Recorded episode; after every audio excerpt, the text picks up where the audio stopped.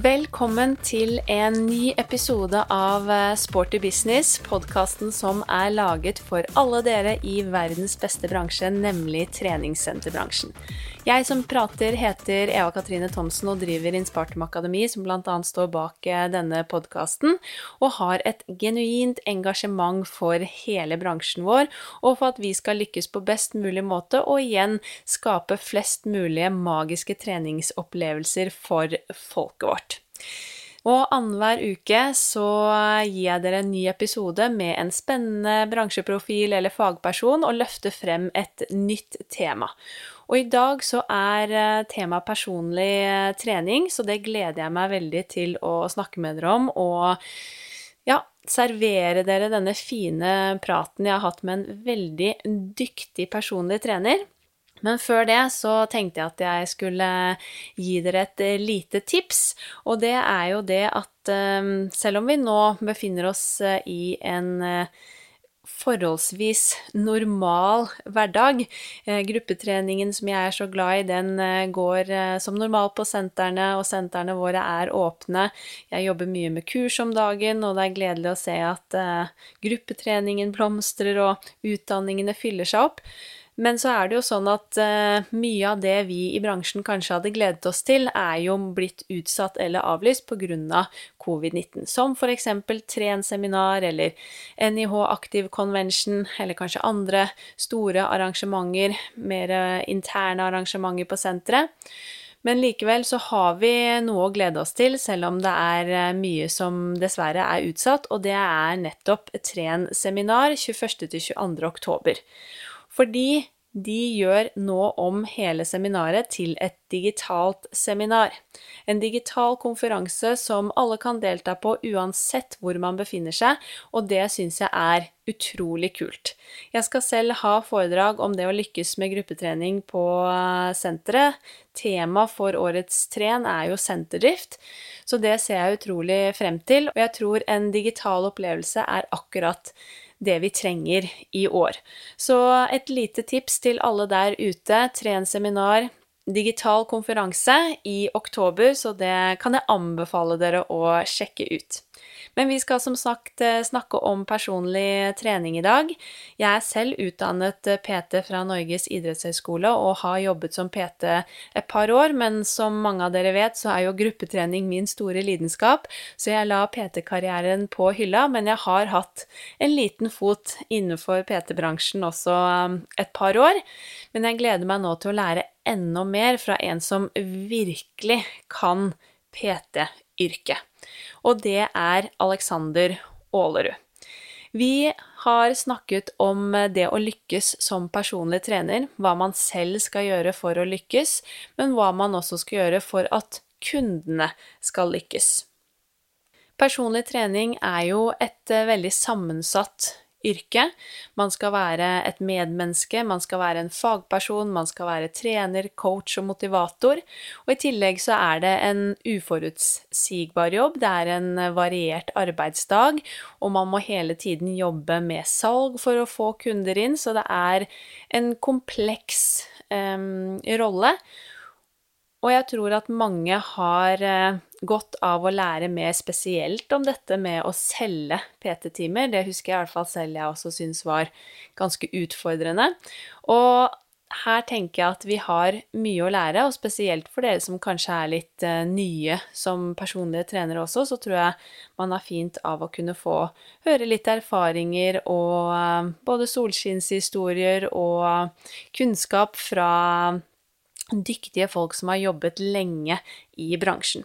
Så jeg har som sagt da pratet med Alexander Aalerud. Han er personlig trener ved Myrens treningssenter i Oslo, men han er en utrolig driftig kar, så han gjør mye annet.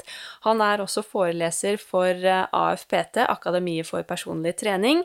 Han er også foreleser i Inspartum Akademi for gruppetreningsstudentene der. Og han er også nå en av coachene, og ikke minst en av gründerne bak den nye online-plattformen Fit Together, som tilbyr online coaching både for trening og kosthold. Så dette her er en uh, veldig dyktig uh, personlig trener og et uh, inspirerende menneske, og ikke minst god kollega, for vi jobber jo sammen på Myrens treningssenter, så det må jeg trekke frem. Alexander har alltid vært en jeg selv har sett opp til og latt meg inspirere av, og som jeg kunnet bruke som en sparringspartner, også for egentrening. Så jeg har gledet meg veldig til å intervjue han om nettopp dette med coaching og personlig trening, og det håper jeg også at du nå kommer til å ha glede av, denne fine praten vi har hatt sammen, knyttet til hvordan lykkes som PT i dagens treningsbransje. God lytt. Hjertelig velkommen til Sporty business, Aleksander. Tusen takk. Veldig hyggelig å ha med deg i dag. Det ser jeg frem til. Og vi skal jo nå snakke om personlige trenere. Hvordan lykkes som personlig trener, og snakke om også arbeidshverdagen til en PT. Og det ser jeg frem til, for det har jo du mye erfaring med. Har du lyst til å gi lytterne våre litt eh, innblikk i hvem du er, og hva du jobber med? Ja, jeg heter Alexander Aalerud. Jeg er 36 eh, år og jobber da fulltid som personlig trener på Myrens treningssenter på Torshov i Oslo. Så jobber jeg som eh, foreleser for eh, AFPT, og har også ansvar for TRX-kurs i Norge sammen med Kristina Støle. Og så har jeg da også gjort litt forskjellige ting i bransjen, og jobber da nå også som foreleser for Inspartum Akademi. Det er jeg veldig glad for klart å lure deg med på laget der òg. Jeg var ikke så vanskelig å lure, tror jeg. Uh, nei. Og du har jo litt uh, Jeg vet jo at du har litt gruppetreningserfaring i bånn også, og det syns jo jeg er veldig gøy. Hvordan ser arbeidsdagen din og hverdagen din ut uh, i dag på Myren, så med de ulike engasjementene og jobbene du har? Ja, sånn som i dag, så ringte klokka fire på morgenen, eller natta, vil kanskje noen si. Og det er fordi jeg begynner klokka seks. Og vi har akkurat flytta da til eh, hjemstedet mitt, som er Vinterbro ved Tusenfryd. Og da er det buss som gjelder til jobb. To busser. Den går da ti på fem på morgenen. Så jeg står opp fire, så tar jeg bussen ti på fem, er på jobb ti på seks. Og så har jeg da hatt eh, seks PT-kunder. Da har jeg fem kunder før lunsj, og så har jeg hatt én kunde etterpå. Og så sitter jeg her med deg nå. Ja. Ja. B-mennesket i meg syns jo veldig synd på deg. Jeg er jo damemenneske, så det syns jeg egentlig er helt greit. Ja, Så da passer det. Ja. Men eh, PT-yrket, var det gitt at du skulle bli PT? Visste du at liksom personlig trener var det du ville bli, eller hvordan endte du opp eh, i bransjen? Jeg har alltid vært veldig, veldig aktiv eh, som, eh, som, liten gutt også. Og eh, onkelen min dreiv da det som ble kalt et helsesportsenter. Nå har jeg jo nevnt hvor, hvor, gammel jeg er, men hvis ikke jeg hadde sagt det, så hadde nok en del skjønt at uh, det er noen år siden at det het det. Uh, så fra jeg var ganske liten og farmor passa meg, og hun pleide å stå i resepsjon der, så var jeg da på treningssenter. Og klatra på apparatene og kasta ball i scoresalen og det man kunne gjøre. Så jeg har vært aktiv, drevet med fotball, vært litt innom dansing, drevet litt med kampsport. Og så uh, tok jeg da idrettslinje på videregående. Gikk videre i Forsvaret, hvor jeg tjenestegjorde det som da het idrettsinstruktør, eller idrettsassistent. Og der hadde jeg da en uh, offiser som uh, hadde tatt en mastergrad på NIH. Så det var egentlig hun som anbefalte meg å gå videre da, med, med idretten. Uh, og da, mens jeg studerte idrett, så jobba jeg som treningsveileder. Når det var det på senteret før, i gamle dager. Og da blei det naturlig at jeg fortsatte det løpet, og tok også PT-utdanning på NIH i bachelorgraden min. da. Ja. Hvor lenge har du jobbet som PT nå i dag? Jeg begynte i 2006, så det blir da 14 år, da. Ja. Har du noe anelse om hvor mange PT-timer du har solgt? Eh, jeg prøvde å få litt oversikt før du spurte meg om det her på forhånd. Eh, det syns jeg er vanskelig, for i starten jobba jeg jo mye færre PT-timer. For da hadde jeg veilederjobb ved siden av PT-stilling. Men jeg kommer fram til at et eller annet sted mellom 11 og 13 000-14 000 timer eller noe sånt. Eh, men hvor, akkurat hvor mange, det, det, vet jeg faktisk ikke. For det var, eh, det var noen år i starten her hvor eh, det ikke var like strukturert som i dag. Og da ja. hadde man ikke budsjetter å forholde seg til, eller hvor mange timer man leverte osv. Lang og bred erfaring er i hvert fall helt sikkert at du har. Eller lang og smal, kall det hva du vil. Men uh, i dag, da, hvor mange trener du i løpet av en uke ca.? Er det um, unge, er det eldre, er det, er det folk som driver aktivt med idrett? Hva slags kunder er det du vanligvis trener? Hvis jeg tar hvor mange kunder, så er det varierende. Men jeg ligger på en Si at jeg har 20-25 PT-timer i uka. Og da Noen kunder trener jeg da oftere. To og noen tre ganger i uka. Eh, kunden i dag er vel eh, De fleste jeg har nå, er 30 pluss. Og jeg har vel en 60-40-fordeling hvor jeg har flest eh, kvinner som kunde.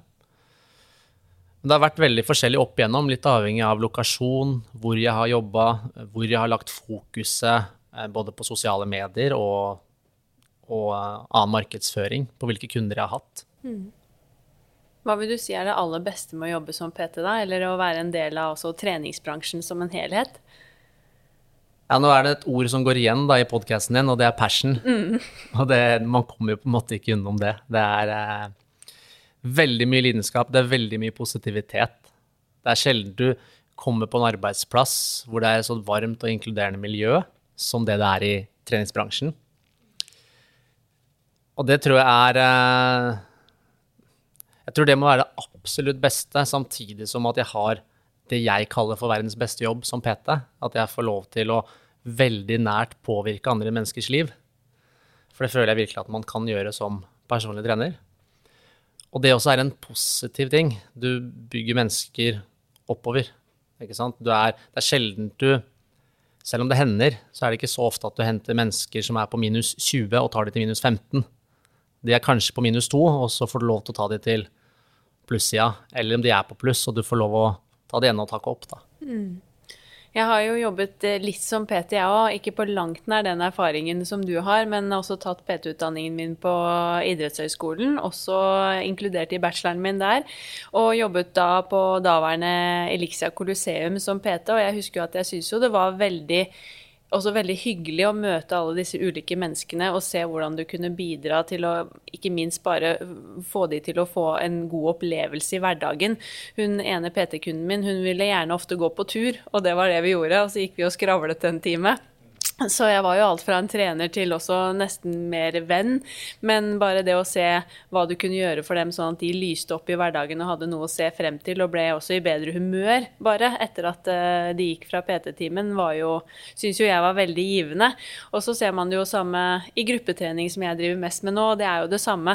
Den gleden av å kunne undervise andre, gi andre noe, dele energi og se at de virkelig bare Fra å stå stille og rolig i gruppetreningssalen, litt sånn mutte før timen, timen begynner, til at det er liksom topp stemning og masse blide fjes og røde kinn, og så går vi ut døren, og jeg vet at jeg liksom kan sende alle hjem med en deilig godfølelse. Men vi skal jo snakke i dag da om PT-yrket og det å være personlig trener i dag. Og det er jo en kompleks og krevende jobb, vil jeg si. Det er mange ulike utfordringer. I tillegg så er det jo en uforutsigbar hverdag i forhold til at man er avhengig av PT-salg og salg av PT-timer for å kunne bygge seg en hverdag og en lønnsom eh, jobb. Eh, hva vil du si i dag er det som skal til for å lykkes som PT? Hva er dine erfaringer? Ja, er, det er helt rett, som du sier. Det er en kompleks uh, jobb, kanskje mer enn hva veldig mange er klar over i utgangspunktet når man søker seg dit og har en lyst til å ha det som fulltidsjobb. Det er litt sånn uh, Hvis vi skal snakke om å lykkes, så må vi nesten definere hva det betyr å lykkes. Uh, og det er sikkert veldig forskjellig. For meg så handler det å lykkes som PT om å kunne leve av det og gjøre det over tid. og synes at det er såpass givende og gøy å gå på jobb at jeg da gidder å gjøre det i 14 år. Og det er en kombinasjon. Det er på en måte det som er veldig selvsagt som handler om fag. Altså du må ha en, en bred fagkunnskap i bånn om både da trening, men også om mennesker. Om hvordan vi mennesker på en måte fungerer, hvordan vi tar til oss informasjon. Fordi du er en lærer som personlig trener. Så du skal jo ikke bare kunne trening, du skal kunne lære det bort. Så pedagogikken syns jeg er ekstremt viktig. Eh, og det er klart at du blir jo bedre jo mer du gjør det, så man starter jo ikke som verdensmester. Men det å forstå at det handler veldig mye om hva kunden forstår, ikke hva du kan. Det tror jeg er en viktig egenskap å tilegne seg med en gang når man begynner. Og så er salg selvfølgelig en stor del av yrket, og det er veldig mange ser på som et sånt nødvendig onde. Fordi at man tenker at her skal jeg gå inn, og så skal jeg bare trene mennesker, og det er det jeg får lov å fokusere på, som er lidenskapen min. Og så syns man salg er litt ekkelt, ikke sant. Og mange har et litt sånt forhold til salg som at jeg har ikke lyst til å pushe på noen. Eh, noen ting, da. Men det du gjør, er å gi mennesker noe de trenger. Så det handler litt igjen hvordan man ser på salg, hvor er fokuset ditt når du kommer til det. Og da handler det egentlig rett og slett om å avdekke kundens behov. Og igjen, for at kunden skal kjøpe av deg, så handler det ikke om at de forstår hvor mye du kan, men at de forstår at du forstår deres behov. Og da blir ikke salg så skummelt, syns jeg, da. Så tror jeg det er ekstremt viktig å være ydmyk overfor at man alltid kan lære mer, og jo mer du lærer, desto mer ser du hva du ikke kan. Så det å oppdatere seg jevnlig er ekstremt viktig. For det er jo en bransje som, som utvikler seg hele tiden.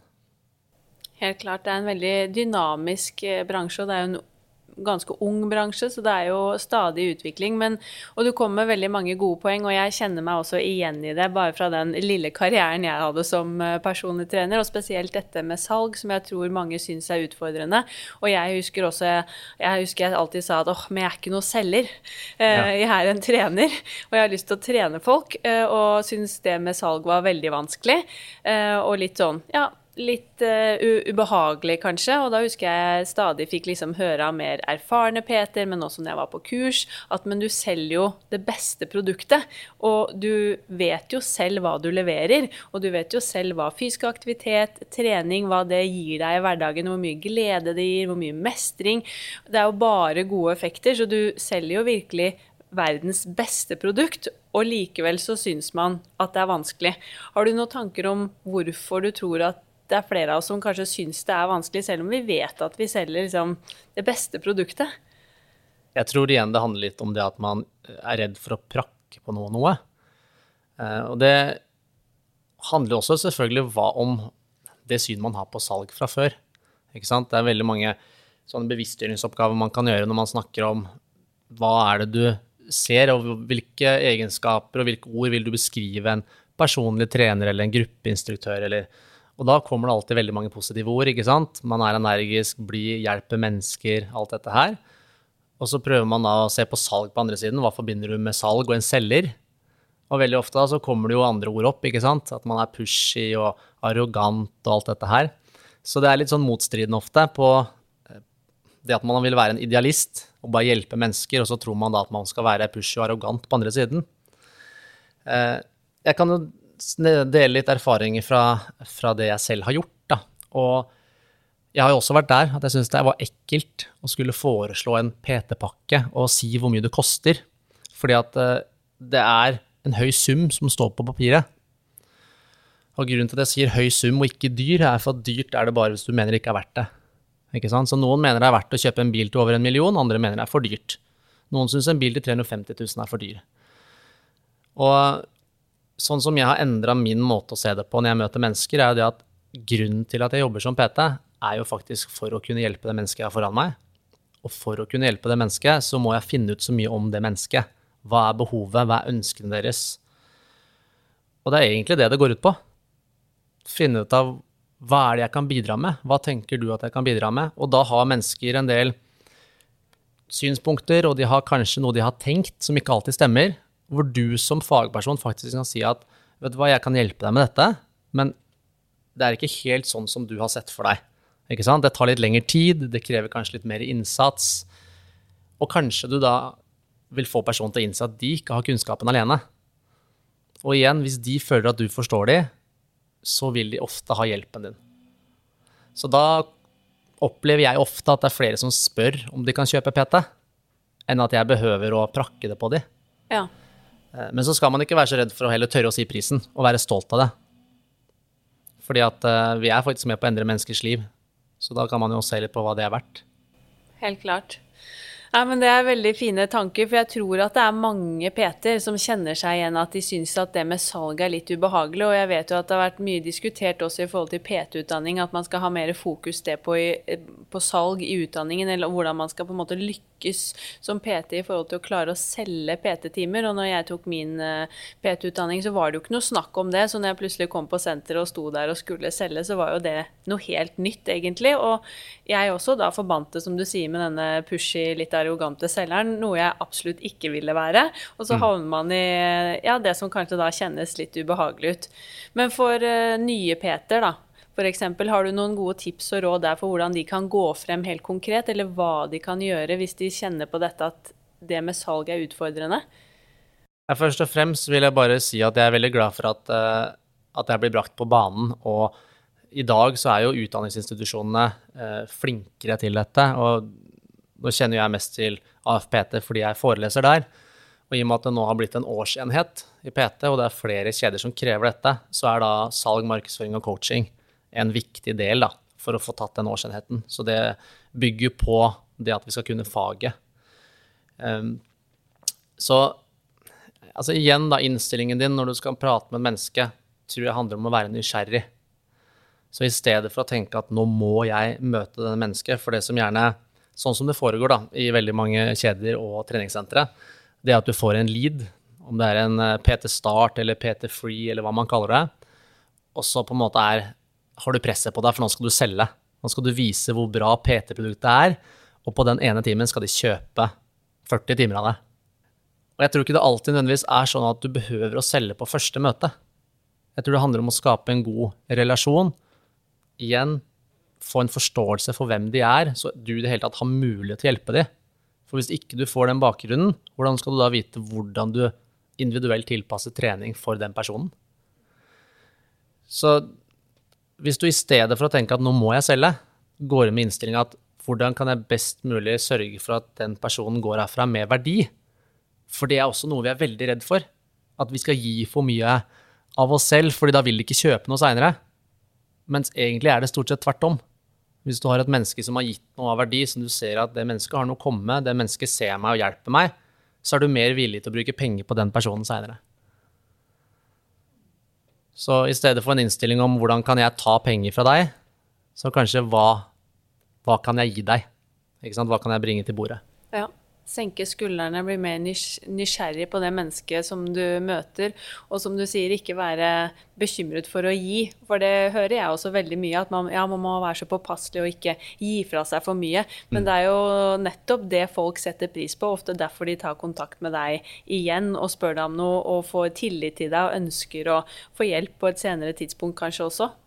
Jeg husker jo eh, det var jo en periode jeg jobba som veileder, at da solgte jeg veldig mye PT selv om jeg hadde veiledningstimer og på en veiledningstime så fikk du da et nybegynnerprogram, ikke sant, sånn standard med beinpress og brystpress og sittende roing. Men veldig ofte solgte jeg likevel personlig trening, selv om de fikk det programmet, for de forsto verdien i da det å bli retta på teknikken, og det at de da hadde en person som så de, så behovene deres osv. Så, videre. så vet jeg jo at salget f.eks. i Lixia gikk jo til værs når de kutta ut veiledere. Og så kutta de ut å gi ut programmer, og så skulle man bare selge PT. Jeg tror samtidig at det kanskje finnes en gyllen middelvei. At man ikke skal være så bastant og si til et menneske som spør om de kan booke en gratis konsultasjon med deg fordi at de vil ha en svar på noen spørsmål. Og så sier du nei, nå skal du egentlig nå skal du få kjenne hvordan det er om PT-time, så vi skal trene, og du får ikke noe program i etterkant. Kanskje du skal gi det mennesket noe mer enn de faktisk har forventa. Så tror jeg faktisk at sjansen er større for at du selger. Om ikke der og da, så seinere. Ja. Jeg savner veldig tiden med de gode, gamle treningsveilederne i studio. Det var jo et flott, eh, flott tilbud til alle som trener på senteret. Og jeg skjønner jo også at det er mest, bedre for eh, bransjen og, og sentrene å kunne selge PT og få den inntekten, men jeg er helt enig med deg at vi kunne kanskje hatt en middelvei. At det ikke trengte å være enten-eller, og at man kunne gitt litt mer. Men i forhold til det å jobbe som PT da, og dette med salg, for det er jo mange tror jeg som føler at det kanskje er litt sånn jag da etter å få inn kunder, og spesielt som ny så tar det jo litt tid å etablere seg. Har du noen tanker om hvor mange kunder bør man ha, eller hvor stor må kundebasen være for at man kan uh, ha dette som et levedyktig yrke? Da tror jeg man faktisk skal begynne å hvis man tenker fulltid PT og du vil leve av det, så kan man jo begynne sånn som man ofte gjør, at man regner seg litt bakover. Så ser man litt på hvor mye penger ønsker du, eller hvor mye penger trenger du for å leve av dette? Så man på en måte ser litt på økonomien i det. Og så må man dele det på antall timer det blir. Og så kan man kanskje se da på Hvis man tror at hver kunde kommer til å trene i gjennomsnitt én gang i uka, så ser man jo da hvor mange timer eller hvor mange kunder du trenger for å ha den lønna du må ha for å leve av det. Og da får man et realistisk bilde på hva du trenger på sikt. For jeg tror nok at mange starter i andre enden, og så finner man ut etter hvert at oi, det her fungerte jo ikke med min hverdag. Og jeg kan ikke ha de timene, og jeg har ikke mulighet til å jobbe noe annet enn fra ti på dagen til to på ettermiddagen. Mens de fleste kundene vil trene på morgen og kveld. Så da handler det litt om å være realistisk oppi det også. Mm. Jeg opplever jo også litt, det er min personlige erfaring i bransjen, at det også kanskje har blitt litt sånn jag på å selge veldig mye PT-timer og kunne få veldig stor kundebase, fordi at uh, veldig mange treningssentre differensierer lønn for PT-ene basert da på antall solgte timer. Og min personlige mening er jo at uh, antall solgte timer ikke nødvendigvis samsvarer med utdanning, kompetanse og hvor gode PT-timer du leverer. For man kan jo ha solgt en hel haug med PT-timer, men innholdet i de PT-timene Man har jo ikke noe garanti for at de er bedre, selv om man har solgt 1000 PT-timer kontra 100. Hva er dine tanker knyttet til hvordan bransjen i dag da differensierer PT-er på nivåer knyttet til antall solgte timer istedenfor kanskje utdanning? Jeg tror det gjøres litt forskjellig på ulike, ulike sentre, ulike kjeder. Da. Ehm, jeg kan være ærlig og si, eller jeg kan være enig i at eh, det å ha lønnstrinn ut ifra antall timer avholdt, fordi jeg har noe erfaring å gjøre, sammen med utdanning, det kan jeg si meg enig i. Fordi at jo lenger du har jobba med det, jo flere timer du har hatt. Men så kan du ha jobba som PT da og hatt veldig, veldig, veldig mange timer, men ikke nødvendigvis levert kvalitet. Så da er spørsmålet skal du allikevel få bedre betalt. Men hvem er det som definerer kvaliteten på den timen? Er det PT-en selv? Er det de som er leder for PT-en? Er det kunden som skal være fornøyd? Og så kan man noen ganger diskutere ja, men kunden vet ikke bedre. Ikke sant? Så burde de vært mer kritiske? Men det er et vanskelig spørsmål. Jeg er i hvert fall veldig enig i at kvantitet ikke nødvendigvis betyr at du er en bedre PT, eller at du har lykkes som PT. Det er derfor jeg er så inne på at du må definere for deg hva er det å lykkes. Også selvfølgelig så er det forskjell fra senteret du jobber på. Noen sentre krever at du har kanskje minimum opp mot 100 timer da, for at du på en måte skal få lov å være der fulltid. Eller at du har minimum 80 timer for hele tatt å jobbe der. Ja. Så det er litt forskjellig fra senter til senter. Men uh, jeg vet med meg selv at hvis jeg har titimersdager hver dag, så leverer jeg et dårligere produkt, og jeg blir en dårligere PT. Det er så, noe med det. Uh, gjelder å ha litt selvinnsikt også. Mm. Så kombinasjonen, i hvert fall at man tar uh, at man ser på utdanning i tillegg til erfaring, og ikke utelukkende baserer det på antall solgte timer, er jo i hvert fall noe jeg tenker er viktig for personlige trenere i denne bransjen. Men du nevnte det at det viktigste er jo at du har en klar tanke om hvordan du selv ønsker å lykkes. Hva er dine målsettinger som eh, personlig trener? Det ene er å kunne leve av det. Det er det. Jeg har familie. Jeg har en datter på fire og et halvt og en samboer. Så hvis jeg har det som hovedjobb, så er er en av hovedmålsetningene å få mat på bordet til familien. Helt klart. Så ønsker jeg å gjøre det innenfor de verdiene jeg har satt som er viktig for meg. Og så jeg vil ikke ha de timene på grunnlag av hva som helst. Eh, og jeg vil heller ikke gå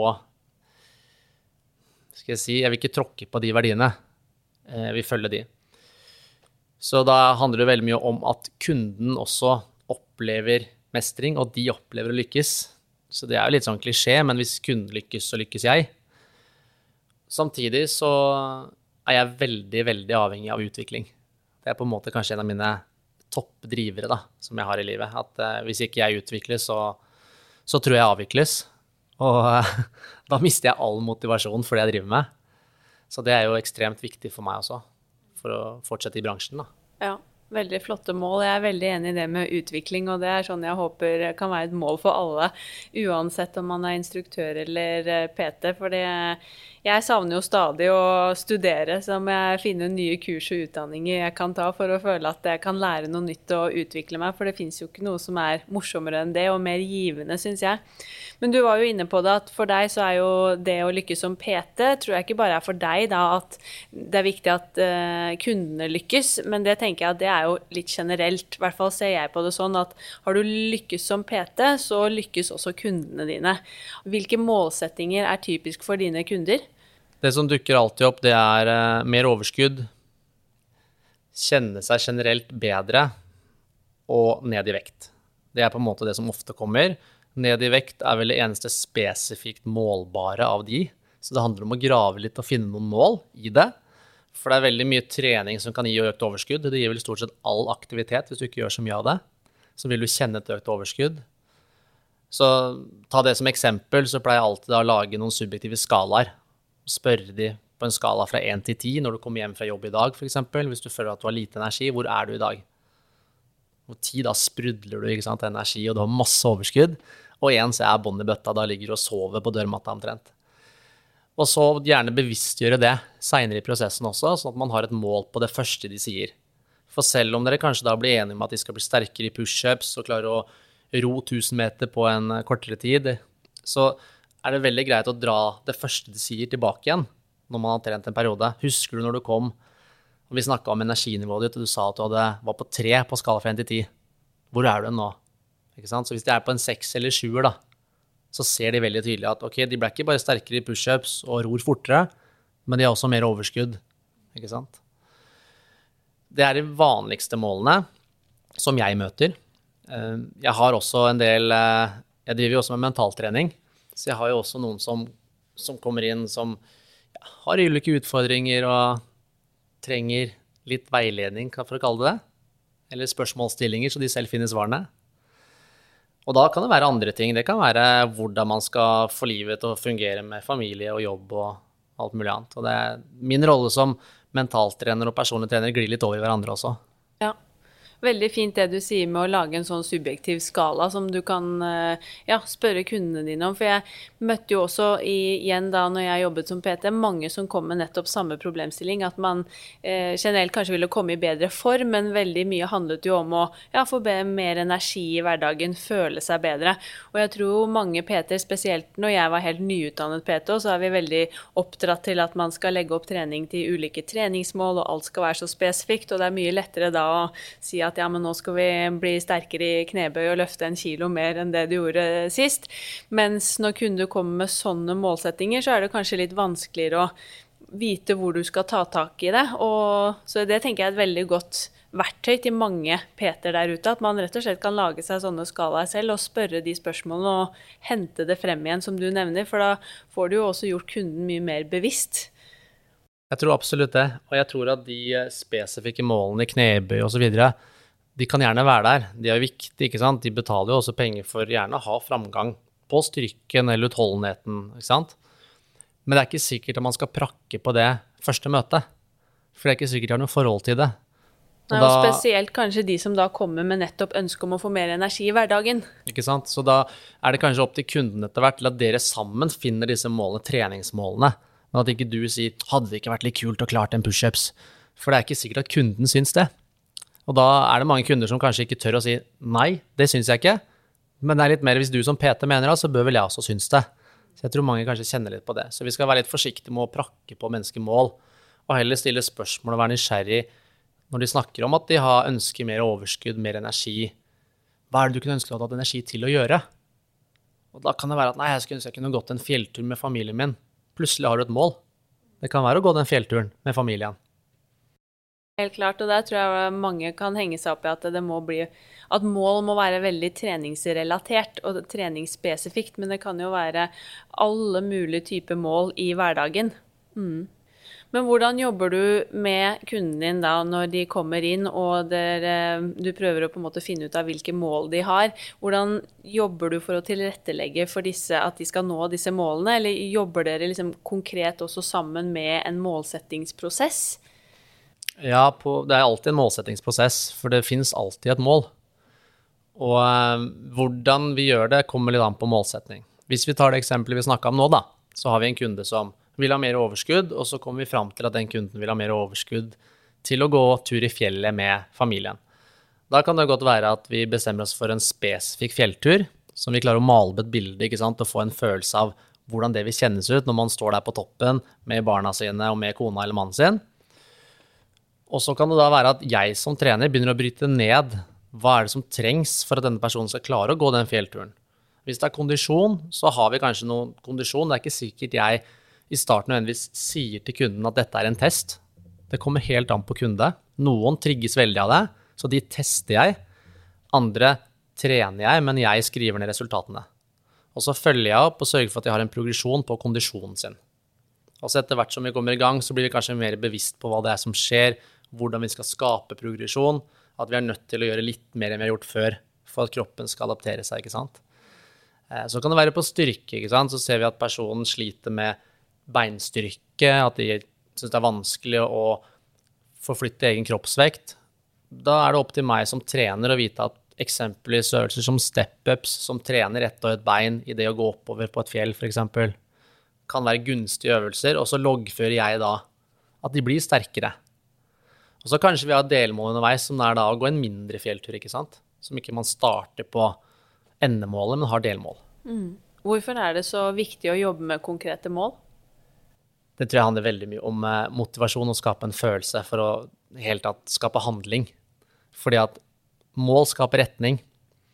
Eh, mål er det eneste du ikke kan kontrollere. For du kan brekke beinet dagen før du skal gå tur i fjellet. Og da har du på en måte ødelagt alt, da, i gåsetegn. Eh, prosessen kan du styre, og ved å ha et mål, så danner du en retning dit du vil. Og hvis du da styrer prosessen, så øker du da sannsynligheten for at du kommer i mål. Mm. Veldig fint sagt. Har du opplevd at du har hatt kunder som til stadighet har eh, feilet med å nå målene sine?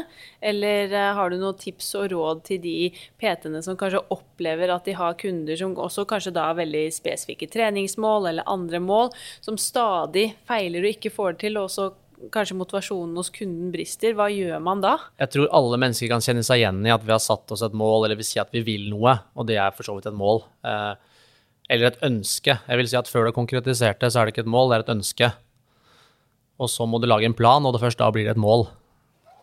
Men eh, jeg tror veldig mange sier at dette er mål, og så lager vi en plan. Og så starter vi, og så er vi kjempemotivert, og så er vi gira. Og så faller vi av. Det er mange aspekter inni dette her. Det jeg jobber veldig mye av i starten med alle mine kunder, det er å forklare de at når vi nå setter i gang med denne reisen mot det målet vi har satt, så kommer du til å falle av den stien her. Det handler ikke om hvis, det handler om når. Så vi må ha en backup-plan. Vi må ha en plan på når du faller av sporet, hvordan kommer vi tilbake igjen. Ikke sant? Du detter av vogna, tilbake på sporet. De som lykkes, de har en plan på hvordan vi kommer tilbake igjen. De som mislykkes, for å bruke det ordet, de har det man kaller alt eller ingenting-mentalitet. Vil si, det her funka ikke, og så tar du rennafart, og så løper du så langt vekk fra togsporet som overhodet mulig. For det funka ikke. Og så nå, da du bestemmer deg for at nei, nå er jeg motivert og begynner igjen, så er du tilbake til start. Det er det ene. Eh, være klar over det. Og så tror jeg at grunnen til det også ligger i at vi mennesker vi drives jo gjerne av Vi drives faktisk mest av smerte. Altså vi vil vekk fra noe som er ubehagelig. Og så kan vi begynne å male noe som på en måte er glede, en tilstand, noe som på en måte kjennes såpass lokkende ut at vi har lyst til å gjøre mye for å nå det. Og da tror jeg veldig mange mennesker, når vi kommer bort fra en situasjon som er ubehagelig La oss si at jeg har en kunde som sier at nei, nå er det nok nok, nå er jeg såpass dårlig form, jeg er overvektig, nå klarer jeg ikke mer, i dag endrer jeg meg. Så endrer de seg en stund, og så får de litt resultater, så er de fortsatt ikke fornøyd med der de er, men de har det ikke så ille som de hadde det. Og endring koster. Endring er smertefullt. Derfor velger man å bli på stedet og eventuelt gå tilbake i gamle mønstre i stedet for å fortsette å pushe gjennom den smerten. Så jeg tror for veldig mange PT-er så tror jeg vi skal ta bort halleluja, trening er alltid gøy, det kommer alltid til å være supermorsomt, eh, til at det kommer til å bli tøft innimellom. Vi skal gjøre ting som er gøy, men det kommer til å være dager som er pyton. Og det er de dagene som skaper framgang. Og det tror jeg er ekstremt viktig at vi er ærlige med kundene og tør å si. For altfor ofte så tror jeg vi er veldig optimistiske, og så vil vi gjerne at kunden skal sitte med en hallelujastemning når de er der, og at dette klarer vi. Og, så og vi skal bruke den også. Men jeg tror vi ljuger mennesker rett opp i trynet, for å være ærlig, hvis vi sier at det her blir en dans på roser. Mm. Og vi vet jo det at eh, veien til suksess er jo aldri en liksom lineær reise. Du møter jo på en rekke utfordringer på veien, og jeg tror jo veldig mange setter pris på at man kan være ærlig fra første møte og fortelle at det kommer til å gå skeis. Og vi må ha en plan B og C og D og gjerne E og F også, kanskje. Og da er det jo veldig mye lettere å klare å holde i gang prosessen. For det jeg opplever, er jo at mange har et mål, og så har de ikke da planlagt, som du sier, hva skjer hvis du ramler av sporet. Og så tenker man at åh, nå gikk alt i vasken, så må jeg begynne på nytt. Og det også med å hele tiden begynne på nytt er veldig slitsomt. Istedenfor å se at ja, men jeg har fått til mye allerede, hva kan jeg nå gjøre for å hente meg inn igjen, og liksom verdsette all den tiden jeg har brukt, og det man faktisk har fått til, istedenfor at man tenker at nei, men nå er det tapt, nå må jeg begynne på nytt. Ja. Og så innimellom tror jeg det er smart å enten se i bakspeilet eller snu seg, og se at eh, ja, det er langt i mål, men det begynner å bli langt fra start òg. Og se på alt man faktisk har fått til. Yes. Mm. Hva vil du si at man bør gjøre, eller hva gjør du for å beholde kundene dine over tid? Og da er oppfølgingsspørsmålet mitt er det noe vi egentlig ønsker som Peter? Gode spørsmål. Det jeg gjør for å beholde kundene mine, må du nesten spørre kundene mine om. Men uh, jeg gjør vel det jeg tenker på av jobben min. Jeg er ganske tydelig der også med kundene mine og sier at mitt mål er alltid at kunden skal bli selvstendig. De skal kunne være uavhengig av meg. De skal kunne såpass at de kan gå på trening, vite hva de skal gjøre. Hvor raskt det skjer, er selvfølgelig avhengig av utgangspunkt, og hvor fort mennesker lærer. Der er man litt forskjellig. Men de skal bli uavhengig av personlige trenere. Hvis du derimot allikevel ønsker å bruke meg som en sparringspartner, eller du syns du får mer ut av å trene med personlig trener når du kommer på trening, eller hva enn du liker å bruke PT til, og du fortsatt har lyst til å være kunden min, så er du hjertelig velkommen til det. For jeg tror alle har nytte av en sparringspartner. Jeg tror man, uansett som vi snakka om utvikling, så blir du ikke utlært. Og jeg tror det er det mange liker, da, med å fortsatt ha PT over tid. Så jeg tror Da gjetter jeg litt, men jeg har jo snakka også med en del kunder og spurt hvorfor har du giddet å være kunden min i seks år, f.eks. For, for jeg har jo kunder nå som jeg har hatt da i seks år, og jeg har flytta en del rundt ulike sentre. Og da sier du det at ja, jeg lærer stadig noe. Jeg har noen å spare med. Og veldig mange også nevner at de syns det er fint å på en måte bli sett og fulgt opp litt. Og veldig mye tror jeg handler om å ha noen å stå til ansvar overfor. At man bare sier høyt at 'dette er det jeg har tenkt til å gjøre', og at vi som PT da faktisk spør 'Hvordan har det gått siden sist? Har du gjort det du sa du skulle gjøre?'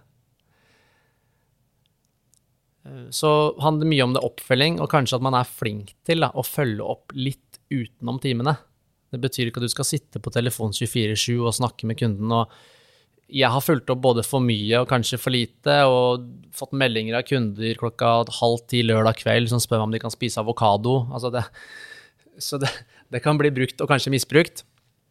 Men det å sende en melding når det er bursdag, gratulerer med dagen, Send en melding i etterkant av en PT-time hvis de har gjort noe som du syns var bra, og skryte litt av de, uoppfordra. Sånne ting. Eh, jeg kan skryte veldig av Nå spurte du hvordan jeg har lykkes, da, men, men jeg har lært veldig av eh, min samboer også. Eh, Ida, som også er personlig trener. For hun kom fra en helt annen bransje og jobba med kundebehandling der. Og i PT-bransjen så er det typisk at når PT-en har bursdag, da får vi gave av kunden vår. Men i alle andre bransjer så er det kunden som får gaver av de som selger produktet. Ikke sant? For man ønsker å gjøre kunden fornøyde. Så jeg så plutselig at hun begynte å gi kundene sine oppmerksomhet når de hadde bursdag, eller gi en ekstra oppmerksomhet til jul. Så hun pusha meg litt, og jeg blei med på det, selvfølgelig. Så vi har begynt å lage da eh, hjemmelagde sånn Baileys-kuler, f.eks., i julegave til kundene våre. Hvor vi sitter og lager det hjemme, da. Ja. Og sånne ting setter de ekstremt pris på. Så det å bare tørre å følge opp litt utenom også. Det er utrolig hyggelig. Og jeg husker når jeg jobbet som PT, men som jeg også har hørt alle, mange andre si, er jo også dette her med å kunne komme til en personlig trener og få hjelp til å trene uten å måtte organisere, tenke, planlegge. Du kommer kanskje fra en heftig arbeidsdag hvor du står til ansvar for alt som skal skje. Og det å også da kunne få servert noe og bare kunne få lov til å ta imot, og ikke alltid være den som kanskje skal organisere eller gi, tror jeg mange setter pris på. Og så vil jo jeg eh, oppfordre alle gruppeinstruktører bl.a., men også andre PT-er som jobber i bransjen, å bruke de personlige trenerne på senteret som sparringspartner sparringspartnere. Det har jeg gjort mye selv. Eh, og jeg har lært så mye som jeg da kunne ha tatt med meg inn i gruppetreningssalen f.eks., men også i forhold til egentrening. Og selv om du da jobber i bransjen, så har man eh, stort utbytte av å få noen PT-timer eh, av en PT man kjenner, eller de som jobber på senteret. Det lærer man også veldig mye av. Og jeg vil vri på det og si motsatt òg. At vi PT kanskje skal være flinke til å spare med gruppetreningsinstruktøren også. Ja. Fordi jeg tror vi har veldig mye å lære der, og det er Vi er ofte flinke, og vi vil gjerne vise hvor mye vi kan, ikke sant, og forklare ting komplisert og har lyst til å snakke om alt vi har lest, mens i en gruppetreningssal så må du si det mest nødvendige, som gjør at flest mulig klarer å gjøre det så riktig som overhodet mulig. Eh, ikke optimalt nødvendigvis, men innenfor det som er greit. Og mange ganger så tror jeg det er mer enn nok, som PT også, at vi på en måte sier litt, hold kjeft, og si litt mer hvis det ikke er bra nok. Veldig glad for at du sier det, for jeg tror jo vi har veldig mye å lære av hverandre. Begge veier, og at man bør være flinkere til å bruke hverandre. For ofte så opplever jeg jo litt at gruppeinstruktørene er i én gjeng og én klan på senteret, og så er det PT-en i den andre. Men at man skal være litt flinkere og bruke hverandre der. Mm. Absolutt. Men helt sånn litt oppsummert til slutt, da, hva er dine aller beste råd til eh, PT-ene som sitter og hører på poden? Hva skal de gjøre for å lykkes, eller har du en suksesshistorie du har lyst til å dele?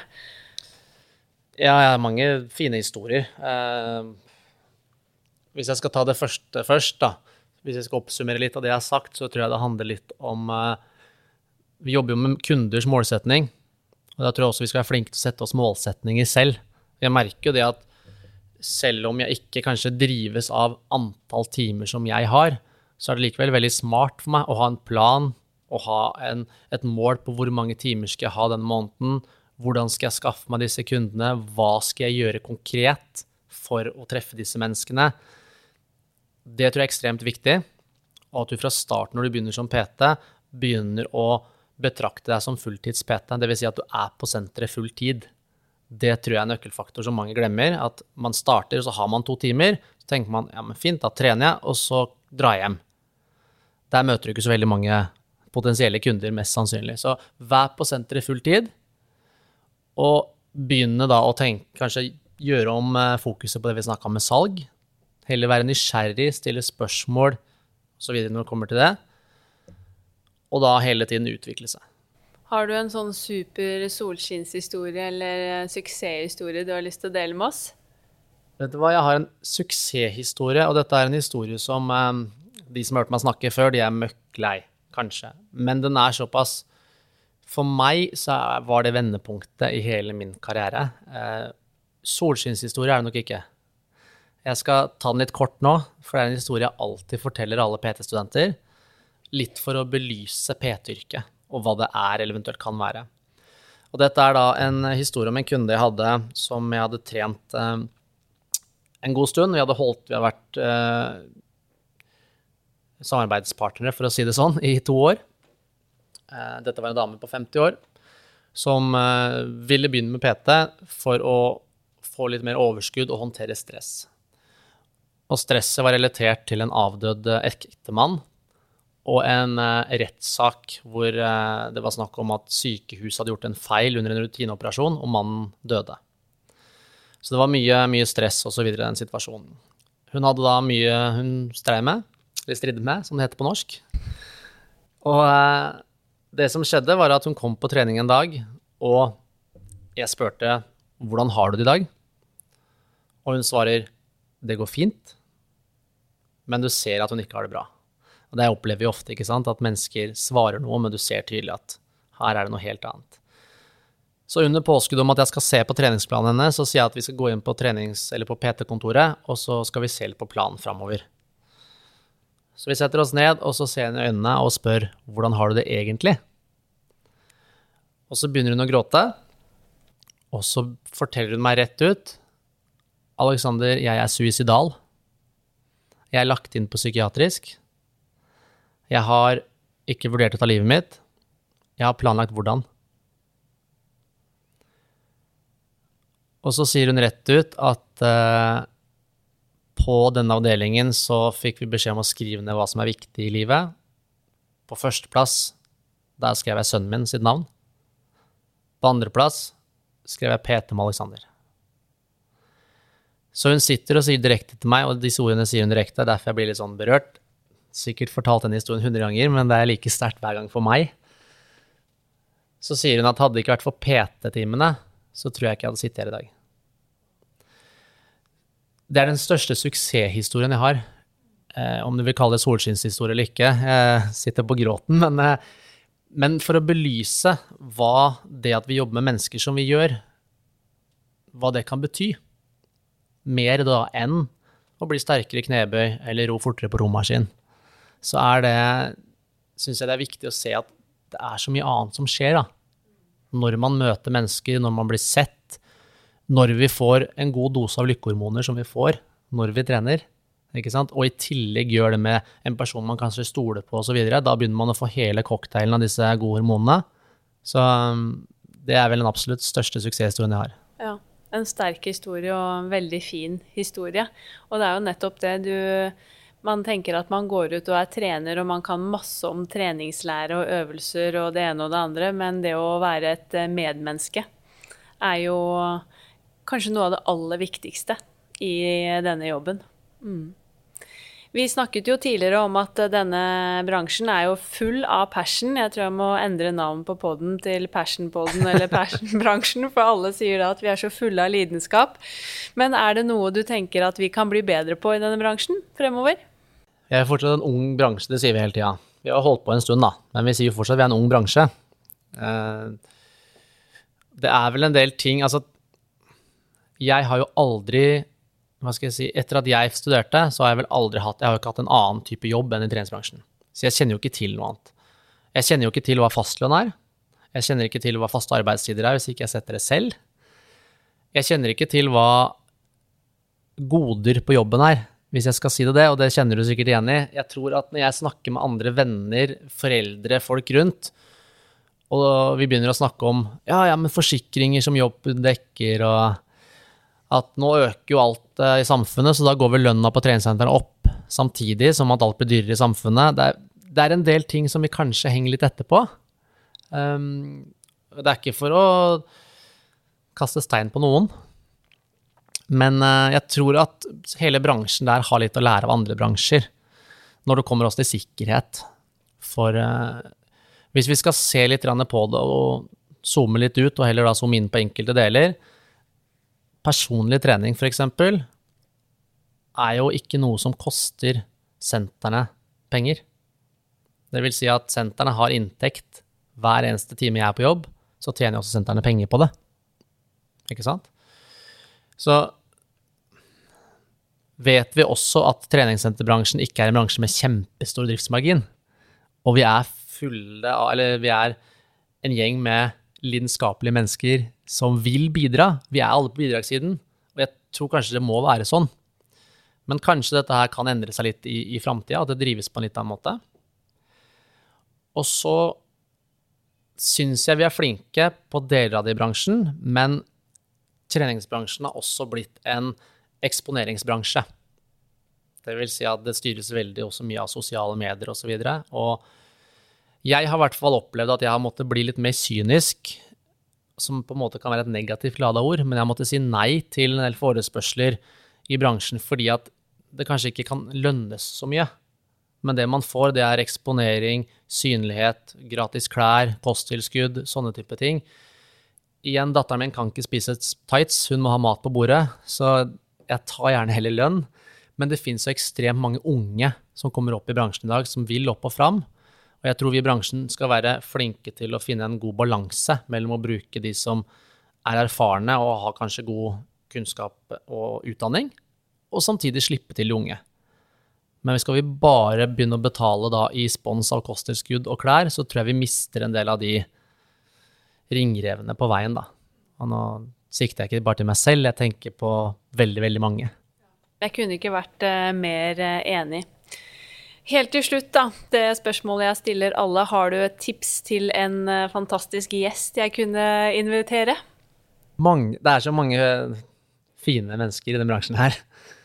Lidenskapelige, fine folk. Lidenskapelige, fine mennesker. Uten å på en måte være Jeg er litt sånn, hva skal man si Man kaller det på engelsk er litt sånn biased. Altså man uh, syns jo de menneskene man omgås med ofte er flinke og dyktige osv. Nå har du jo snakka en del om gruppetrening, du har vært inne om uh, spiseforstyrrelser, og vi har snakka om teknologi, og, i dag prater jeg om PT. Jeg syns jo det som er spennende nå om dagen, også med tanke på koronasituasjonen, er jo alt som skjer online. Så jeg har jo da, jeg må jo si en kollega av meg så, som heter Alexander Hallafors, som jobber fulltid nå som, uh, som online coach. Han har også PT-time fysisk men jobber fulltid med det og er en, en, trener og en mann som jeg ser ekstremt opp til. Er også en god venn. Men å høre han snakke litt om hvordan man kan bygge en online business og lykkes der, fordi måten jeg har bygd business på, har vært relasjon face to face, mens han har gjort det på en annen måte. Så det syns jeg hadde vært litt interessant å høre mer om. Veldig spennende. Tusen takk for godt tips.